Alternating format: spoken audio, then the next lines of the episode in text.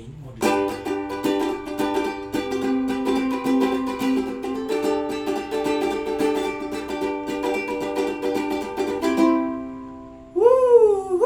malam-malam balik lagi sama kami. Wih, mana kabarnya kalian semua?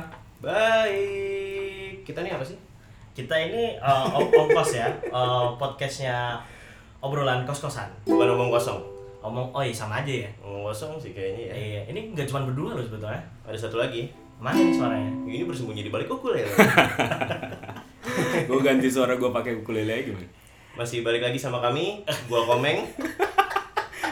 Ilman, Ilman, Ilman, Ilman. gue otong dari Majalengka yang Udah, udah, gak digubris anjir candaan gua Oke, mau ngomongin apa, Meng? Ini, Meng? Eh, kayaknya kali ini kita bakal ngomongin traveling Nusantara, tapi versi kita. Karena kita juga belum ke mana-mana banget sih. Iya. Cuman ya kita punya versi kita yang seru-seru dan oke punya.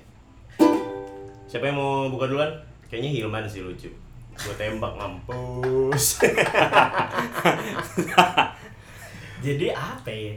Ke- Gimana pengalaman traveling lu ya di beberapa kali gue nggak traveling sih jatuhnya jadi aku lebih ke ini ke gue kerjaan. apa aku nih aku aku aja Aku, aku. kan orang Jogja oke Iya, jadi aku lebih ke kerjaan juga kan. Nah, di tengah-tengah kerjaan itu eh, apa namanya? Sambil traveling. Oh, seru ya. Iya. Berarti kamu pernah ke beberapa kota? Sumatera pernah. Terus Su- Sulawesi udah pernah. berarti kerjaan lu pemandu wisata Iya. Dikira tour guide. Apa pemandu air panas? Mandian. Nggak cu- cuman cuman dari dari beberapa beberapa tawar dulu. beberapa tempat ini eh beberapa tempat ini justru yang menurutku beberapa yang menarik itu waktu dulu aku pernah ke ini ke Anambas. Mungkin beberapa orang itu nggak ada yang tahu ya. Anambas di mana sih? Anambas itu Kepulauan Riau. Jadi sebenarnya ini ini gue banget tahu Kepri-nya doang tapi Anambasnya enggak iya jadi Anambas itu kalau misalnya mau ke sana darinya Tan- Tanjung Pinang bukan Pangkal Pinang ya Tanjung Pinang itu Tanjung- saudaranya siapa Panjat Pinang lu kok nggak ketawa sih. Saudara Tanjung Perak sih. laut Siapa? Nah, Lanjut. terus dari Tanjung Pinang itu eh, Tanjung Pinang tuh ibu kotanya Kepri, bukan Batam ya ternyata. Hmm. Nah, jadi kalau kalau apa namanya? nasi eh, info kan Iya, kalau kalau si Batam itu memang dia kota otonominya sendiri. Jadi kayak di sana itu malah memang besar dan bagus gara-gara emang dia cuma sejam ke Singapura. Cuman kalau Tanjung Pinang itu ke Batam itu masih satu setengah jam lagi. Di mana kalau misalnya dari Tanjung Pinang ke Singapura itu dua setengah jam. Nah itu tuh Kepri. Nah lu nggak nyoba ke Singapura iya itu waktu itu. nggak nyoba tapi berarti kan Enggak, enggak. Nah, cuman waktu itu yang bikin menarik itu sebetulnya kan aku ke sana itu karena eh, KKN ya. KKN waktu Ya itu. nggak tahu kan kamu. Iya. Iya, kuliah kerja nyata Kuliah kerja nyata. Nah, yang yang menurutku menarik ada di sana tuh ada sebuah pulau namanya Pulau Bawah. Itu di tahun 2015. pulau Pulau Bawah. di Jadi- bawah ya posisinya Jadi itu kamu bakal bayangin Anambas nih kalau dari Tanjung Pinang itu ke sana itu sekitar 8 jam. Dan itu Hmm. udah naik yang ferry yang paling cepet. Bukan yang bukan yang kapal-kapal yang pemerintah yang kayak apa namanya ya kapal-kapal besar kalau kapal-kapal besar itu dia malah bisa sampai dua hari Oh. nah karena jadi- besar ya jadi iya, lambat. yang besar lambat. Tapi ini udah kapal ferinya yang cepet. Nah yang yang menarik adalah Makan Solo? Apa? Ferry. Bola, bola. eh eh, balik Ya, lagi. ma- ka- berarti ferry-nya ini juga nggak besar. Ferry Eh, kecil. eh ferry kecil karena makin bisa cepet oh, lantas yang membedakan dengan speedboat? Iya Berarti dia very big atau very small? oh very very very big. average rata-rata ya Eh, sangat rata-rata iya, gitu balik lagi bos balik lagi Iya, nah itu jadi yang menarik itu jadi dari Tanjung Pinang ke Anambas itu kan 8 jam ya. Nah, cuman di tengah-tengah di 4 jam itu yang menarik itu malah ini sinyalnya HP ku itu tuh relate dan nyambung ke Malaysia. Oh. Jadi kau berpikir nggak sih kayak kan waktu itu aku pakai Indosat ya, Oredo dan dia kan emang emang katanya kan sebagian sahamnya tuh di Malaysia. Nah, dia tuh kayak nyambung. Ini nggak di endorse ya by the way? Nggak endorse, nggak endorse. Tapi kalau mau endorse habis ini bisa kirim Boleh, ke kita. boleh. Iya. Ganti nomor dong gua kalau endorse. Iya. Ketahuan gak? Nah, cuman kamu bisa bayangin kan bahwa negara ini apa kalau negara sorry kepulauan ini tuh benar-benar kepulauan terluar, sangat terluar. ya kalau berkata kamu dua minggu yang lalu eh, dengar Bu Susi bakar-bakar kapal ya itu di situ Di Pulau Kepri. iya Anambas Oh, di Anambas itu. Ah, ah, dia dijadiin sengketa laut Cina Selatan Oh. nah itu di situ posisinya nah Cuman yang- Cina di situ. nah itu wilayah. dia itu jadi bisa perdebatan lagi Itu Kenapa? berarti dekat Natuna. emang Natuna Terus Oh, sisi Natuna. Eh. sorry sorry. Ini sisi travelingnya di mana? Nah, bentar, nih aku mau masuknya kan aku jelasin demografinya dulu. Oh, Dengerin dulu ini Nah. kita wisata soalnya. Jadi agak Menurut Nah. gua demografi itu apa namanya perhitungan pertambahan atau perjumlahan Penduduk. Oh ya. ya, berarti Ini geografi. kita ngobrol berdua aja sih, ini nggak bisa diajak gimana? Nah, terus yang menarik itu sisinya adalah di tahun 2016, uh, kalian bisa cek 2015 atau 2016. Anambas ini termasuk salah satu kepulauan terbaik versi CNN untuk laut tropis. CNN, CNN emang mendeklar bahwa Anambas ini di pulau bawah tepatnya. Nah, yang disayangkan adalah ya waktu itu aku udah ke pulau bawah ya, Hmm. pulau bawah. Nah, ternyata pulau bawah ini mau dibuat semacam kayak Raja Ampatnya atau kayak uh, Gili Trawangannya tapi di versi barat. Jadi Oh. kok bisa bayangin gak sih kamu masuk ke dalam kawasan terus ada tutup terus dan dan itu emang eksklusif dan sayangnya gue baru tahu juga uh, beberapa tahun yang lalu dia emang udah dikelola sama orang Australia. Oh. Jadi jadi bener-bener itu dibuat dibuat kayak tapi bagus dan itu bagus banget. Maksudnya aku nggak lebay ya. Kalau uh, kalian mau minta foto-fotonya nanti aku bisa kasih lah atau Iya. yang penasaran kan. Jadi itu semacam kayak Maldives, man.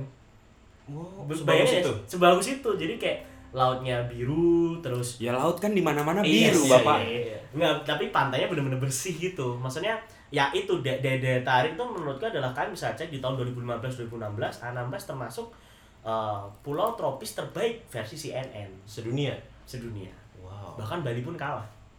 Oh, selama ini berarti Tapi pas survei pas nggak ada kamu ya. Ada anak. terbaik.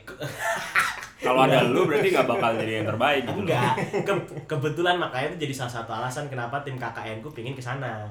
Oh. Iya, jadi kan? emang tim KKN lu nggak pengen ke Bali gitu ya? Enggak, tapi langsung ke. Dan dan bersyukurnya ya ini bukan endorse lagi ya atau mendukung pasangan ya. Katanya per tahun ini udah ada bandara. Hmm. Jadi kalau dulu kamu bayangin nggak kalau aku mau ke Anambas waktu itu KKN, aku ke Jakarta, turunnya di Tanjung Pinang, Tanjung Pinang masih naik kapal 8 jam lagi ke sana. Nah, kalau sekarang enggak. Jadi langsung di Jakarta, langsung ke Anambas itu udah ada. Itu kalau dulu total berapa jam? Ke sana? Wah. Lama lah intinya. Berarti kalau dibandingin sama Bali Apanya? lebih bagus Anambas atau ya kalau Bali? menurutku sih lah masih kok gini, Ba- Bali itu sudah terkonsep. Udah packagingnya udah mantap. Iya, udah terkonsep. Ini Anambas tuh masih kayak kamu tahu intan di dalam sebuah atau mutiara di dalam sebuah kerang. Bagus sekali. Kayak gitu. Gibran. parah. Masih bentukannya raw sih udah ya, masih raw. Ben- bentukannya Masih. sih emang udah kayak Khalil Gibran sih. Eh gitu ya. Nah, itu sih kalau pengalamanku. Mungkin lanjut ke si Otong nih daripada menyaut-nyaut aja. Ya karena gue dari tadi sebenarnya bingung sih mau ngomong apa gitu kan. Gue ngeblank, ngeblank, sumpah ngeblank, gak ngerti. Soalnya kalau misalkan ngobrol ngobrolin traveling, gue belum pernah ke mana-mana, cuma ke Bali, ya kan. Oke. Terus Cuma ke- ya ke Bali ya. Terus Berarti- gimana lagi? ke biduk-biduk, Biduk-biduk ya kan? cuma. Terus ke Nah, itu nggak banyak orang yang tahu tentang hidup Pulau Maratua, Derawan, ya kan, Palangkaraya. Sombong ya ini. Iya. ya. Semacam- Karena di menurut gue di tempat gue Majalengka nggak ada apa-apa. Ya. Padahal gue juga nggak dari Majalengka. Sorry orang-orang Majalengka yang ngedengerin. Ini cuma buat bercandaan doang. Jadi gimana biduk-biduk? Biduk-biduk di mana sih, Tom? Kalau gue sih sebenarnya kalau misalkan traveling ya tempat yang paling menurut gue oke itu sebenarnya di Kalimantan Timur namanya Biduk-Biduk. Itu kecamatan sih ya nama kecamatannya. Terus lu kalau tahu itu ada danau enggak sih? Ya ya danau sih kayak kumpulan air gitu yang ibaratnya kayak Labuan Cermin namanya. Oh, yang bening itu ya? Iya bening. Bening yang Kalau nggak salah di dunia cuma ada dua. Di Meksiko satu sama di situ satu. Itu Cuma- danau. Ya bentuknya kayak danau. Sebenarnya itu pertemuan air laut dan air payau gitu. Cuman nggak tahu sih seingat gua ya itu kayak pertemuan air laut sama air payau terus kayak ada terjadi formulasi rantai kimia rantai karbon dan segala macamnya itu Buset. yang menyebabkan danau itu ya emang kelihatan kayak air gitu cuman bener-bener lu bisa ngelihat bening banget kayak cermin dan lu bisa ngelihat apa ya istilahnya kayak kalau lu lihat ke dasarnya itu bener-bener yang kayak sekecil semut itu aja bisa kelihatan gitu. Bener-bener. Lu kayak apa namanya nyelam gitu lu kelihatan kayak dugong gitu sih. Itu di mana sih? Kalimantan mana? Kalimantan Timur itu di bagian paling timurnya Pulau Kalimantan Timur. Sama Derawan? sama Derawan eh, nggak tahu ya. Maksudnya kalau misalkan lu menempuh jarak dari Jogja atau Ah. dari Jakarta kan lu mesti ke Balikpapan dulu nih Iya. kalau dari Balikpapan paling enggak sih lewat jalan daratnya sekitar 12 jam 16 jam kalau naik pesawat 45 menit doang Ada tapi. ada cuman ke Berau Oh. Nah dari Beraunya ini, lu berangkat ke Biduk-Biduk masih butuh 6 sampai 8 jam. Yang menurut gua waktu gua komparasi nih, gua bandingin antara Derawan, Maratua dan Biduk-Biduk tempat gua KKN. Nah, Sebenarnya gua lebih prefer eh, nyebut yang paling the best of the best ya. Udah the best of the best lagi. Itu udah mantep banget lah. Mantep banget lah pokoknya. itu, nggak kayak very average lah ya. itu tuh bener-bener biduk-biduk itu yang menurut gua ya sama kayak Anambas yang lu bilang tadi itu kayak intan atau mutiara di dalam kerang yang Oke. yang menurut gua sebenarnya Derawan atau Maratua itu udah full banget sama orang-orang yang apa istilahnya bener-bener udah eh, ngegarap potensi wisata di sono gitu. Oh, Yang- oh, berarti di sana memang udah dibuatin ini objek wisata. Iya kalau di Derawan Maratua kan udah full cottage tuh, ya kan? Ah. Lu udah full dengan fasilitas eh, apa namanya kayak diving, Yeah. speedboat dan segala macam itu udah ada banyak gitu. Cuman kalau di biduk-biduk, gua kan di situ satu kecamatan ada sekitar enam desa dan kebetulan gua ada di desa yang paling terpencilnya itu yang namanya Teluk Sumbang itu paling Oke. pojoknya gitu kan. Oke. Dan di situ sebenarnya nelayan-nelayan itu udah tahu.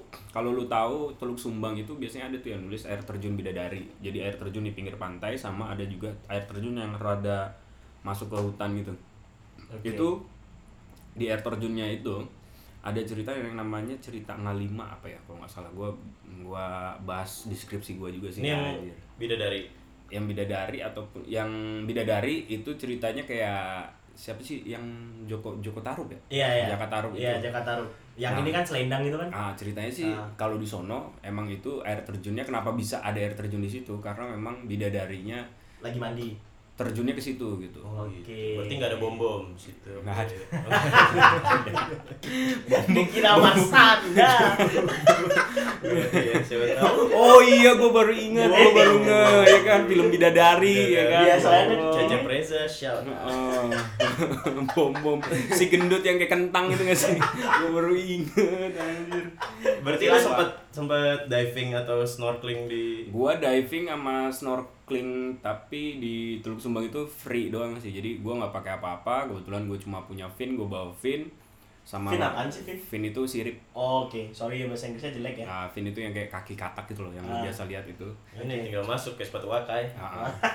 Tapi wakai nggak bisa dipakai buat ini. Lo kok gue sebut merek juga sih? Lu sih. Enggak siapa tahu ada mau endorse Kan kan. Iya. Jadi uang. Terus tapi lanjut. abis itu emang money oriented banget lu pak ya nggak ya tapi abis itu sebenarnya kalau gue bandingin nih waktu gue ada free diving gitu terumbu karangnya parah men hampir sama kayak di Derawan atau Maratua tapi lebih bagus karena belum dijamah orang dan belum menurut gue tuh belum bener-bener rusak ya kalau misalkan kan biasa itu masih alami lah ya maksudnya bleaching bleaching gitu ya nggak masalah gitu Hmm. pemutihan di karangnya cuman itu menurut gua di sono pemutihan di karangnya itu nggak sebanding ya maksudnya lebih bagus itu dalam artian nggak lebih banyak daripada derawan atau maratua Pemutihan di karang mesti gimana sih? pemutihan di karang itu kayak karangnya jadi kegerus gitu loh. Itu gara-gara gara-gara apa ya Ini eh, apa? Penangkapan liar. nggak juga sih sebenarnya emang kadang eh, kalau seingat gue yang anak-anak teman gue yang anak biologi bilangnya emang udah umur ya Oh, Oke. kayak gitu Tapi di sana bersih nggak? Kan biasanya tempat-tempat parah yang- parah lu tahu yang kayak di ini gak sih di biduk-biduk itu gue juga keselnya adalah ketika misalkan lu tadi bilang di Anambas sudah ada yang ngelola orang Australia Hmm. di biduk-biduk itu udah ada yang ngelola tapi ya eh, bukan Asing. orang asing sih sebenarnya orang asli Kalimantan Timur juga yang bukan dari daerah situ Oh. yang oke. akhirnya menurut gue tetap ya orang luar lagi bukan karena bukan dari daerah biduk-biduk kan Oke. terus yang yang paling kurang ajarnya adalah dia dapat ngecim tuh cottage dia bikin cottage Ngecim. Iya dia udah ngecim duluan men Sumpah jadi di depan cottage dia itu bener-bener Lu tau gak sih yang kayak di, nggak tahu sih gue di di Maldives apa yang pokoknya lingkarannya itu terumbu karangnya ngelingkar Hah? terus tengahnya itu pasir putih men jadi lu kayak Oh. berenang di kolam yang pinggirannya itu bukan keramik tapi emang pinggiran-pinggirannya itu kayak mangkok itu isinya terumbu karang semua Itu di biduk-biduk. itu di biduk-biduk Ba- kayak bayangin di aja di dekat Teluk Sumbang aku bayangin aja kayak udah bagus banget ya Iya jadi pengen. Gue belum pernah sih jujur, gue belum pernah sampai ke Kalimantan. Oh, gitu. Nah, gue tuh punya kayak mimpi-mimpi apa angan-angan untuk nyampe minimal ke satu eh, tiap pulau tuh sekali gitu kan. Oh, iya. Terus ada pulau Kalimantan, Bener, Sumatera, Papua. Jawa, iya gitu. itu gue juga punya tuh. Ah, minimal sekali, ya nggak Iya. tahu caranya nih. Dan- gue lagi mencoba karena gue Bali udah ya kan. Kalimantan udah gue puterin kan ya ya, ya nggak semua sih. Tapi gue pengen ke Toraja gitu gitu Iya, iya. pengen ke, Sulawesi, itu asik tuh. tuh, asik tuh. Ke suku Baduy gitu kali ya. Nah itu nih komeng nih. Gimana Itu gimana meng udah tuh berarti itu pengalaman tentang di ini kan di biduk-biduk ya kan kalau misalkan gue ngomong panjang durasinya pak oh iya itu permasalahannya Bisa jadi buku nih. bisa jadi buku eh komeng novel. gimana meng Baduy Kalau atau man gua- apa apa lo Gue pernah ke mana ya? Gue ke Baduy pernah, Hmm. gue ke Kampung Naga. Kampung Naga belum? belum Kampung Naga mana sih Gue ke Jawa Barat. Labuan Bajo Oh, pernah, iya. gue ke Kupang pernah. iya bener bener bener Mana? ya? Kupang Ba- bukan temennya Kepang kan Bukan. Kupang itu yang- Kupang tuh yang ada congeknya. Oh, Kup- kuping. kuping udah lanjut Oke, yang seru mana ya? Coba Baduy. Oh kalau Baduy lucu sih waktu itu. Soalnya eh, ini gue bertiga sama teman gue, dua teman kita juga sih. Eh, teman kita. berlima berlima total sorry. Jadi sama Kresna, Guntur dan ada dua teman. kan gua. harusnya lu ngajakin gue juga tapi lu nggak ngajakin gue Eh, Emang lu di mana? Gue di Jogja sih waktu itu. Eh, ya udah, oke terus? Ngomong aja sendiri. oh, iya. durasi bis durasi. Terus? Nah, di Baduy itu lucunya gue ke Baduy pas tahun baru. Oh. Ada tuh teman gue namanya Kresna, Kresna. ya kan? Sotoy banget. Ngajak Meng eh, tahun baru ke mana? Nggak tahu nih gue belum ada planning. Eh udah ikut ke Baduy. Masya Allah. Gue kaget kan ke Baduy? Iya iya udah. Terus kita rencanain kita bikin itinerary-nya terus Ah. Eh, berangkat tuh naik kereta. Naik kereta. Bentar bentar. Sebelum jauh Baduy itu tepatnya di mana sih? Baduy itu di Banten. Gue lupa Lebak kalau nggak salah. Oh, Lebak oke. Banten. Jadi kalau naik kereta turunnya di Rangkas Bitung sih waktu itu. KRL ya Ah. kagak mungkin KRL kereta ekonomi. KRL belum ada. Nah itu lucu. Oh jadi oke. kan itu eh, eh, libur ya kan tahun Hmm. baru libur terus Hmm.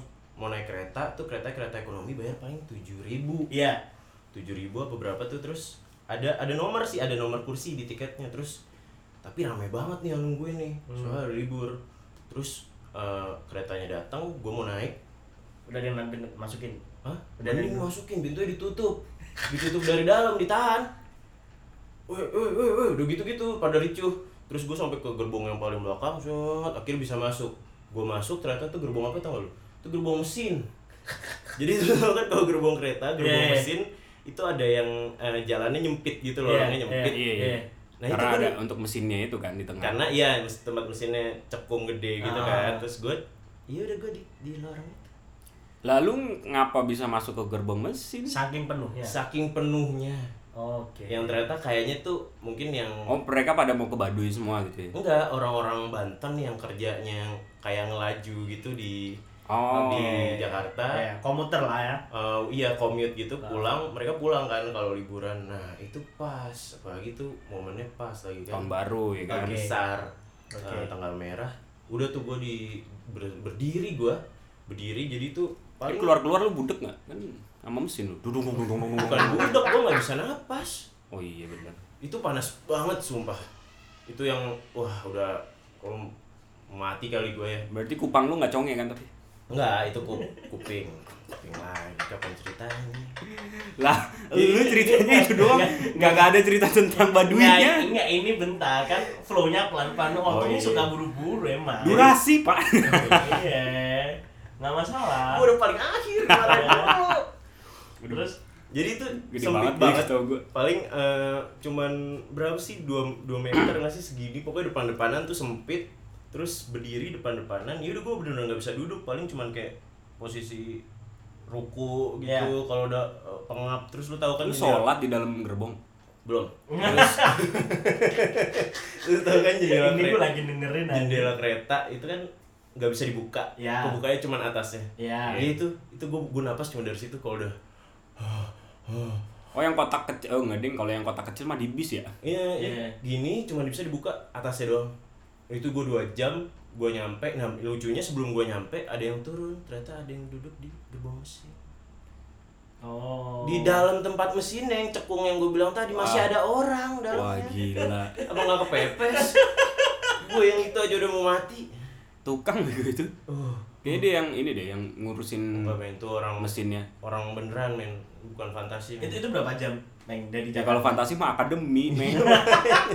ini tuh serius ya sekitar dua jam sih kalau gue nggak salah Oh, ingat. oke. Terus gue sampai sana, gue sampai sana nyari-nyari angkutan, ngeteng gitu soal kita. Sebenarnya banyak sih, banyak kayak guide-nya untuk ke sana. Hmm. Lu bisa bayar, semua ditemenin, udah udah lebih enak. Cuman kita sotoy.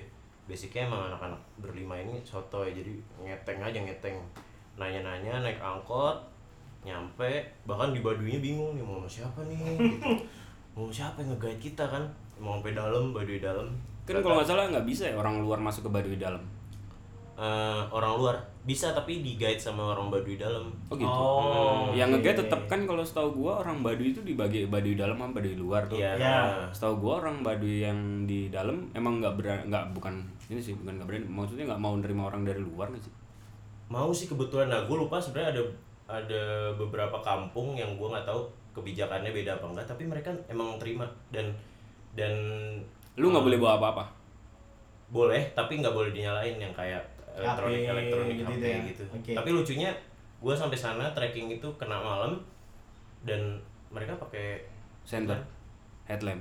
Oh berarti kalau menurut gua setahu gua ya Hmm? temen gua yang apa istilahnya ya punya kajian riset di sana bilangnya emang orang yang nganter lu biasanya yang nganter lu dari luar ke dalam dan dia udah pakai headlamp dan segala macamnya itu nggak bisa dibilang orang Baduy dalam tapi emang orang orang Baduy luar Oh, tapi oke. mereka tinggal di dalam sih waduh gua nggak ngerti Aduh. Nah itu juga gue agak bingung karena eh, ternyata yang nggak se-strict itu. Nah, terus yang jadi pertanyaan nih, mungkin banyak orang yang belum tahu ya. Kalau tadi kan Otong sama kan cerita tentang pantai. Emang Baduy apa yang bikin beda dan kenapa menjadi salah satu tempat wisata yang menarik? Uh susah nih. kalau menurut gua walaupun gua belum ke sono Ya, gua setuju sama yang dikatakan sama komen apa tuh? itu pokoknya apa pun yang dikatakan sama dia gua setuju Sebenarnya berangkatnya serunya karena kita nggak tahu. aduh Oke. Karena kita nggak taw mau nyari apa, kita nggak tahu mau expect apa, jadi kita Oke. explore.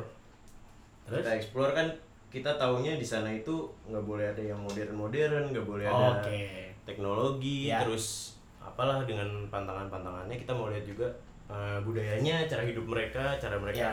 bisa sustain itu gimana dan ternyata lucunya mereka ini kan masih bercocok tanam, masih ada bertaninya.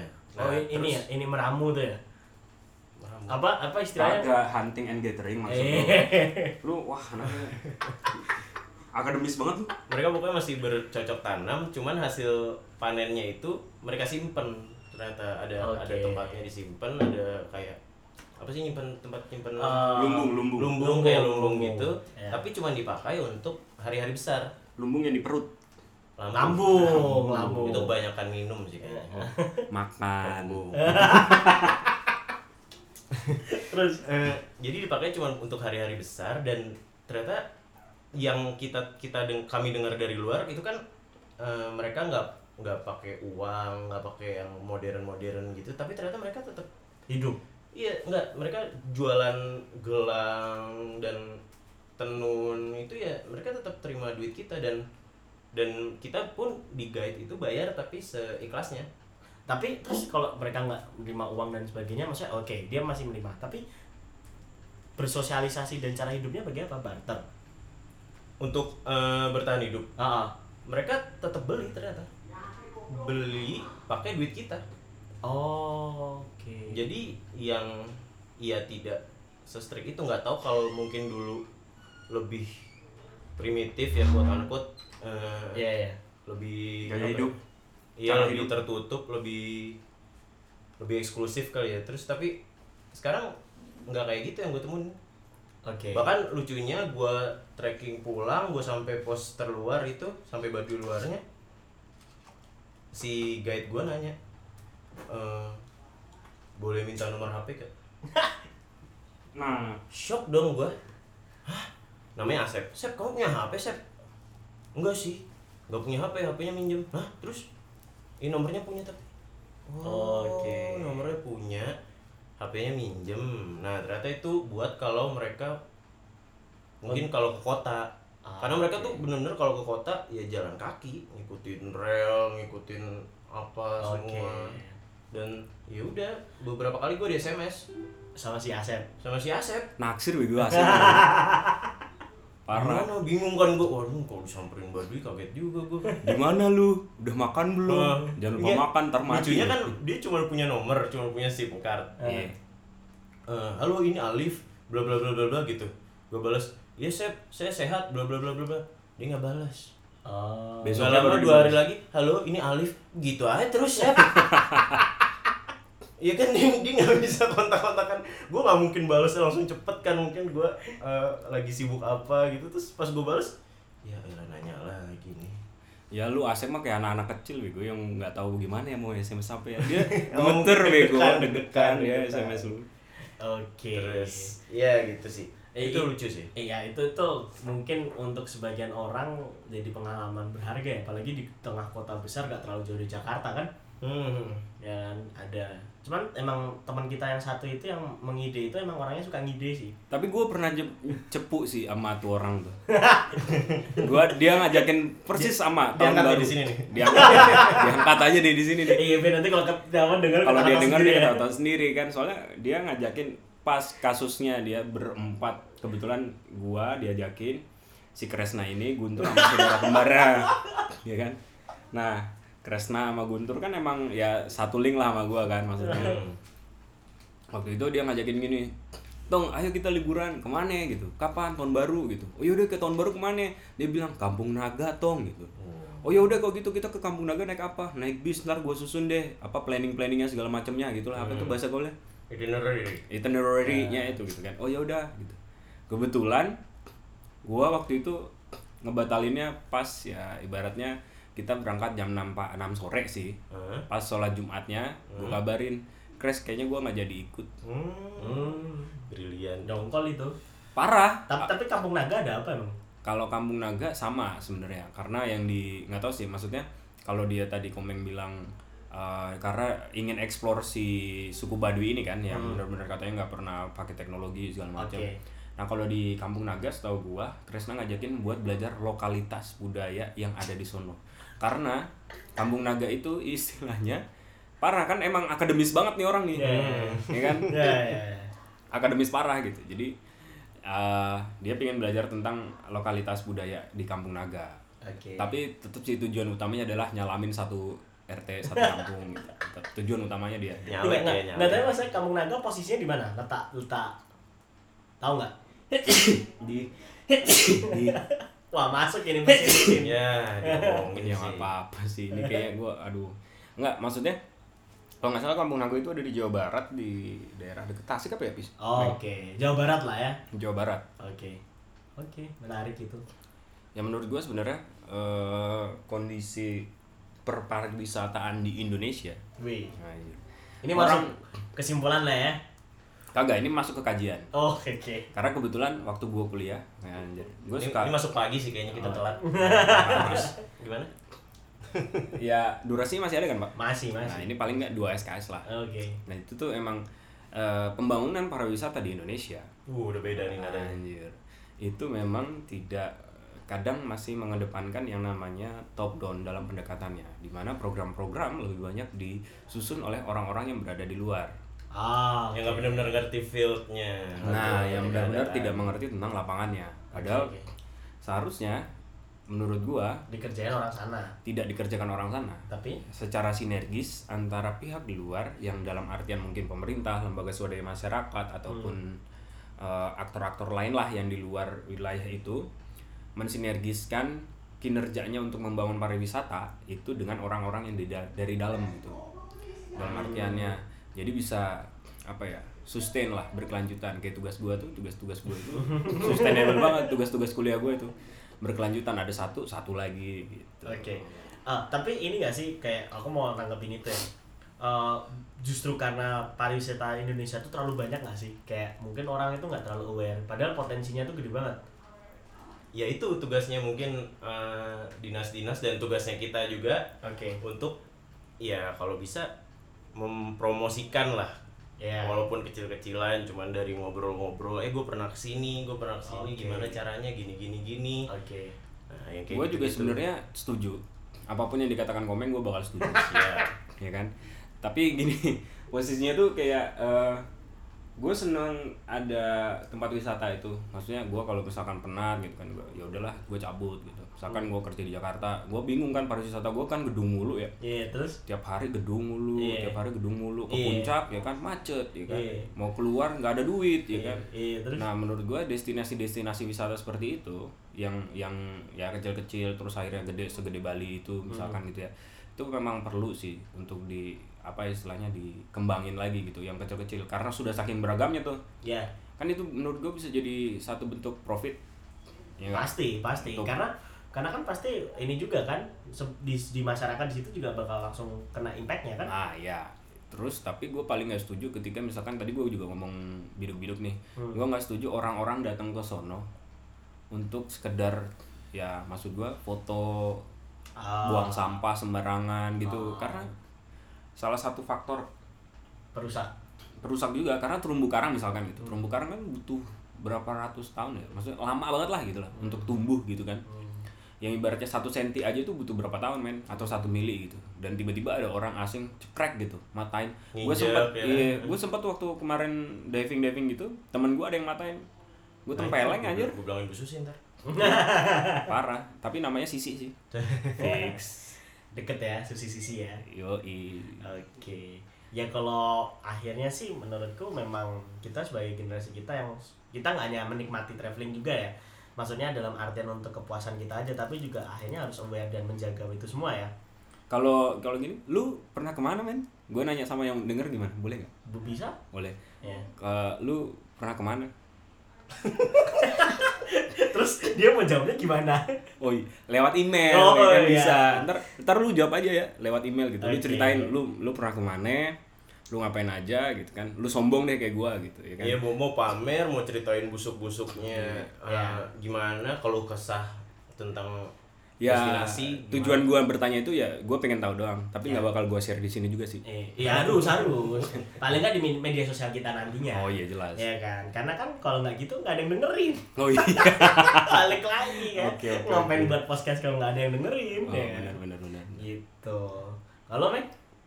Ya kalau gue kurang lebih mirip Otong perlu ada eh, kebijakan-kebijakan dari pihak-pihak terkait itu yang ngajak eh, orang-orang sananya jadi ada biar sustain selain biar sustain itu ada sense of belonging jadi orang-orang anjing? Sense of belonging itu kebersamaan. ada rasa memiliki ada Memiliki rasa juga. karena diajak nggak ujuk-ujuk dibikinin apa gitu Ah. dibikinin apa ya karena mereka nggak ikut bikin mereka nggak ikut rembukan ya Nggak akan ada didiemin begitu Ras- rusak rasa begitu lebih apa. mencintai gitu ya. Hmm. Daripada itu kalau dibiarin gitu, artinya cuma dikasih. Ntar yang jadi dependensi, men. Waduh. Oh. dependensi itu ketergantungan ya kan gitu emang susah kalau ngobrol sama ex ex Eh, Apa ex apa? Expatriat. ex ex ekspatriat ya kan ex ex sarjana gitu Oke, School terus X. at least di kosan juga harus berbobot ya. iya. Berarti nggak obrolan kosong kan ini? ya kosan sih tapi Oke. Terus akhirnya jadi intinya teruslah jalan-jalan mumpung masih muda mumpung masih ada tenaga iya. tapi tetap cari cuan Iya.